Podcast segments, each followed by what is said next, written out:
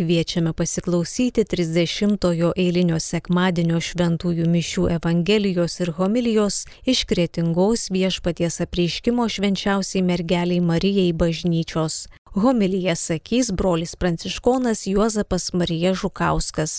Antroje laidos dalyje girdėsime popiežiaus pranciškos katechezę iš ciklo Tikėjimo metų katechezės, kurią skaitys kunigas Aivaras Jurgilas.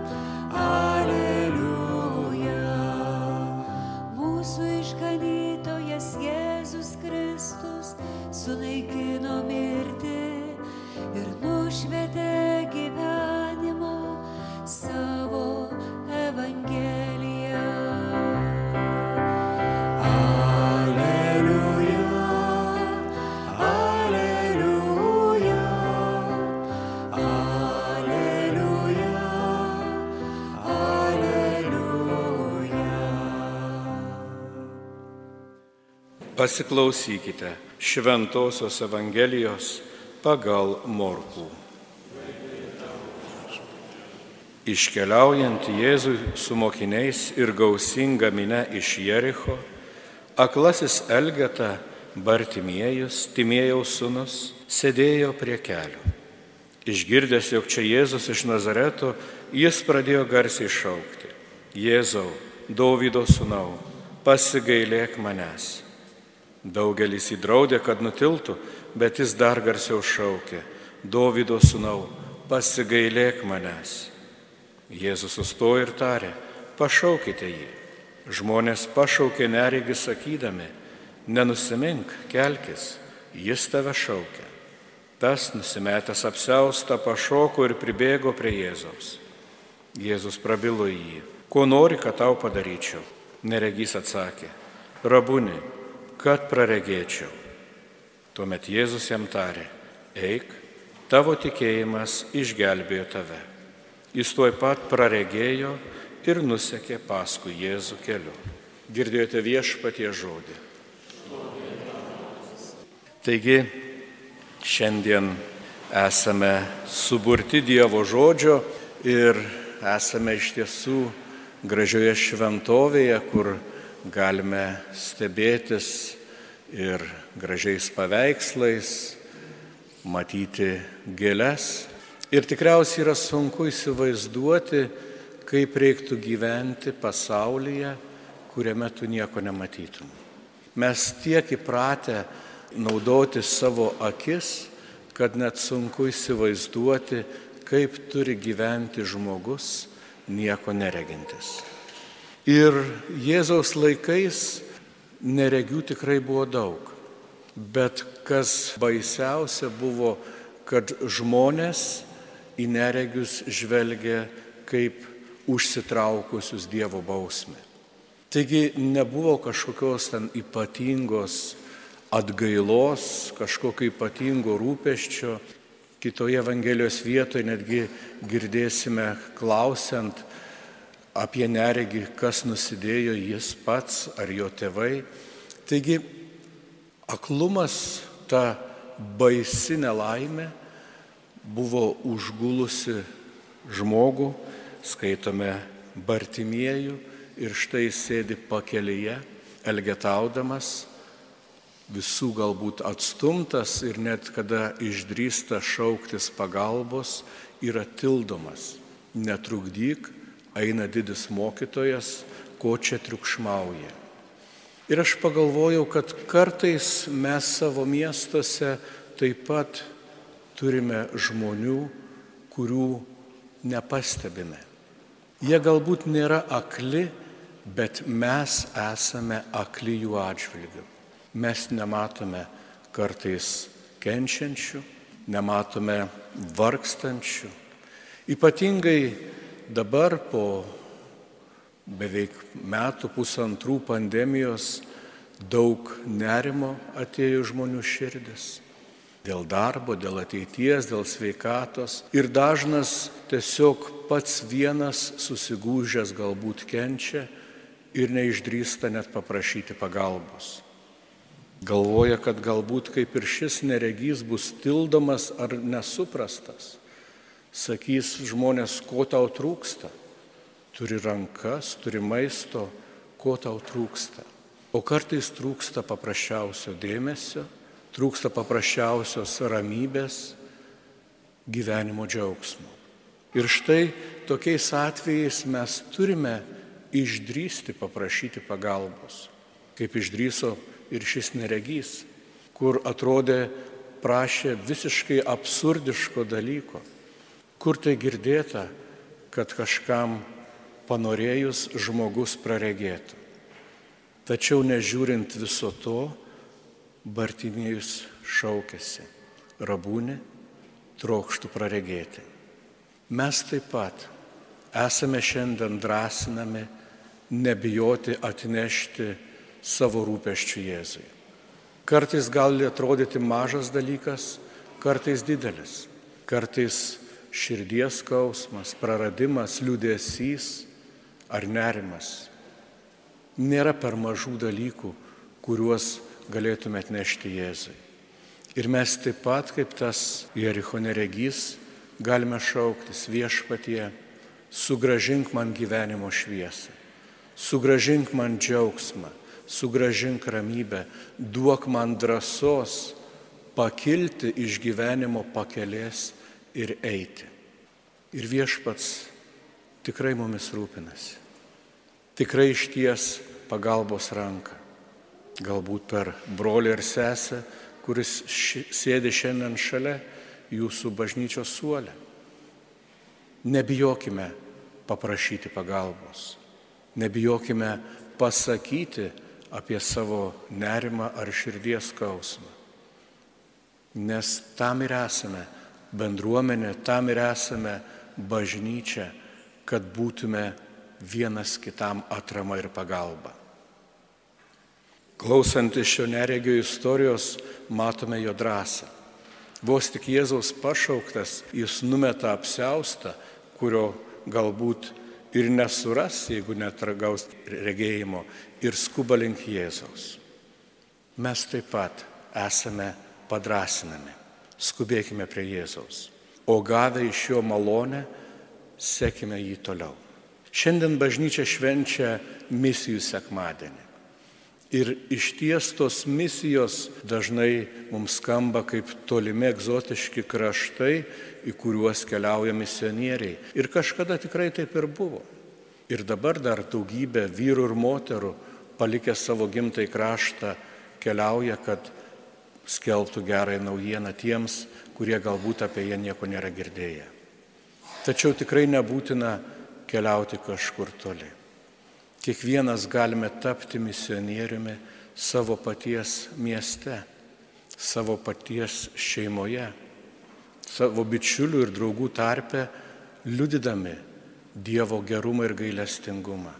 Liudydami, kad viešpats rūpinasi kiekvienu, net ir pačiu mažiausiu.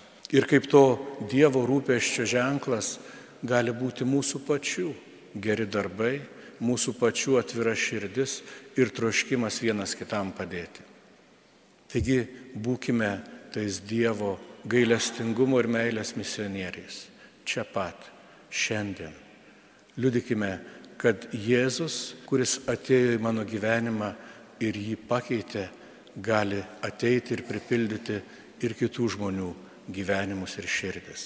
Nebūkime tais neregiais, nematančiais, šalia esančių žmonių. Būkime Dievo šviesos ir ramybės nešėjais.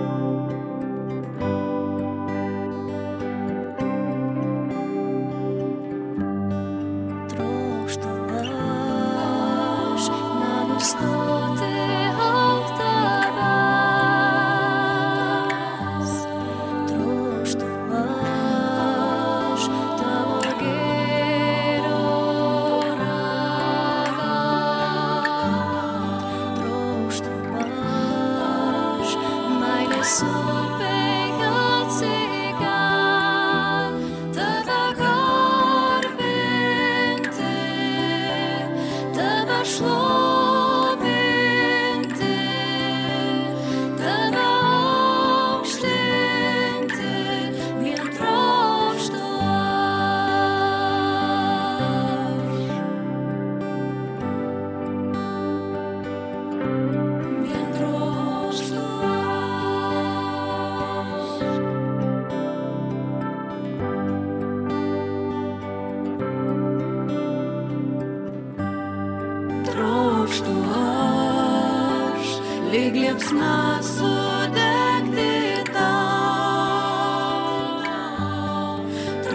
что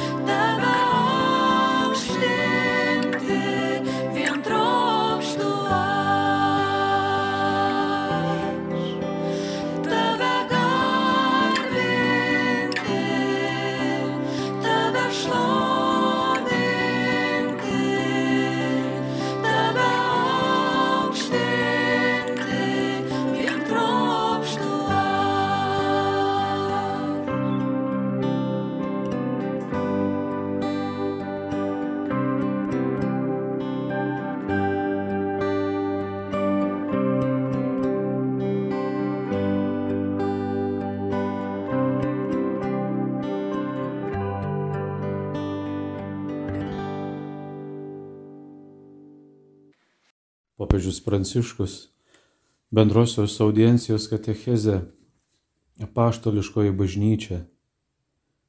Tikėjimo išpažinime sakome, tikiu vieną šventą visuotinę apaštalinę bažnyčią. Nežinau, ar kada nors apmastėte, ką reiškia teiginys bažnyčia yra apaštalinė. Gal atvykdami į Romą mąstėte apie apaštalų Petro ir Pauliaus reikšmę Jie čia paguldė galvas, keldami ir liudydami Evangeliją. Tačiau yra dar svarbesnis dalykas. Išpažinti apaštališkąją bažnyčią reiškia pabrėžti pamatinį ryšį, kuris bažnyčią sieja su apaštalais, su ta maža dvylikos vyrų grupe, kurių kiekvieną Jėzus pašaukė vardu, kad būtų su juo ir kuriuos vėliau siuntė į pasaulį skelbti jo mokymą. Palyginimui Morkaus Evangelijos trečias skyrius nuo 13 iki 19 eilutės. Graikų kalbos žodis apaštalas ir reiškia siunčiamąjį pasiuntinį. Apaštalas yra pasiūstasis, žmogus įpareigotas kažką nuveikti, o apaštalai Jėzaus pasirinkti, pakviesti ir pasiūsti, kad tęstų jo darbą. Tai yra melstusi, tai pirmatinis apaštalo uždavinys, o antra, kad skelbtų Evangeliją. Tai svarbu, nes mąstydami apie apaštalus galėtume manyti, kad jie ėjo tik skelbti Evangelijos, nuveikti daugelio darbų. Tačiau ankstyvaisiais laikais bažnyčioje kilo problema nes apaštalai turėjo daryti labai daug dalykų. Todėl įsteigė diakonus, kad patiems liktų daugiau laiko melstis ir skelbti Dievo žodį. Kai mastome apie apaštalų įpėdinius, apie vyskupus, taip pat apie popiežių, nes ir jis yra vyskupas. Pirmiausia, turime savęs paklausti, ar tas apaštalų įpėdinis meldžiasi, po to ar skelbia Evangeliją nes tai ir reiškia būti apaštalu. Todėl bažnyčia yra apaštališkoji. Mes visi, jei norime būti apaštalais, turime savęs paklausti. Ar melžiuosi už pasaulio išganimą? Ar skelbiu Evangeliją? Tai yra apaštališkoji bažnyčia. Tai mūsų konstitutyvinis ryšys su apaštalais Remdamasis tuo norėčiau keliais žodžiais apibūdinti, ką reiškia pažyminys apaštalinė, apaštališkoji, kalbant apie bažnyčią. Pirma, bažnyčia yra apaštališkoji, nes ji remiasi apaštalų mokymu ir malda, remiasi valdžia, kurią pats Kristus jai suteikė. Šventasis Paulius rašo Efezo krikščionims. Jūs jau nebesate ateiviai nei svetimi, bet šventųjų bendrapiliečiai ir Dievo namiškiai, užstatyti ant apaštalų ir pranašų pamato, turintis kertiniu akmeniu patį Kristų Jėzų.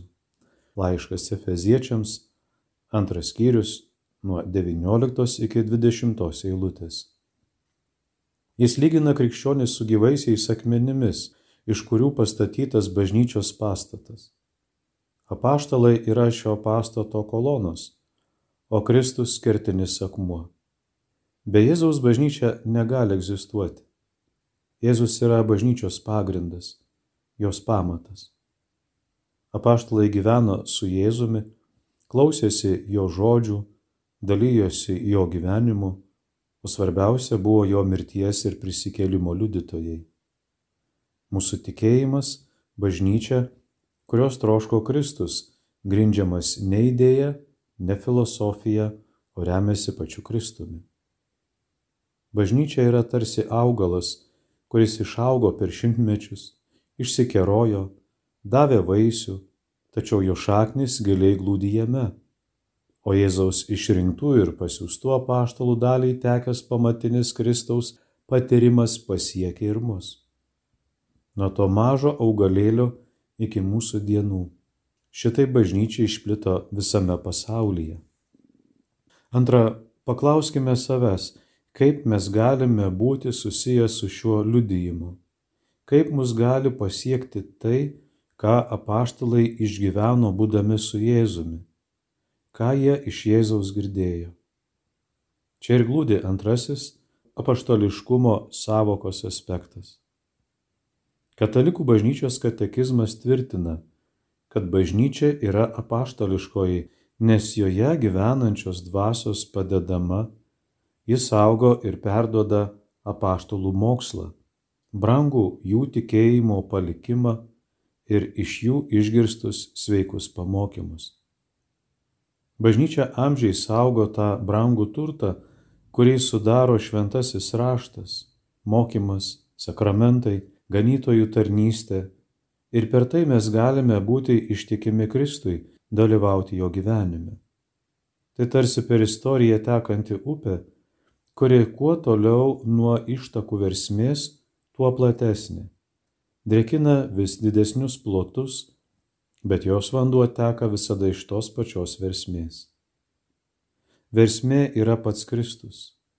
Jis yra prisikėlusysis, jis gyvasis, Jo žodžiai nepraeina, nes jis pats nepraeina. Jis gyvas. Jis šiandien yra čia tarp mūsų. Mes kalbame su juo, o jis mūsų klauso, yra mūsų širdyje.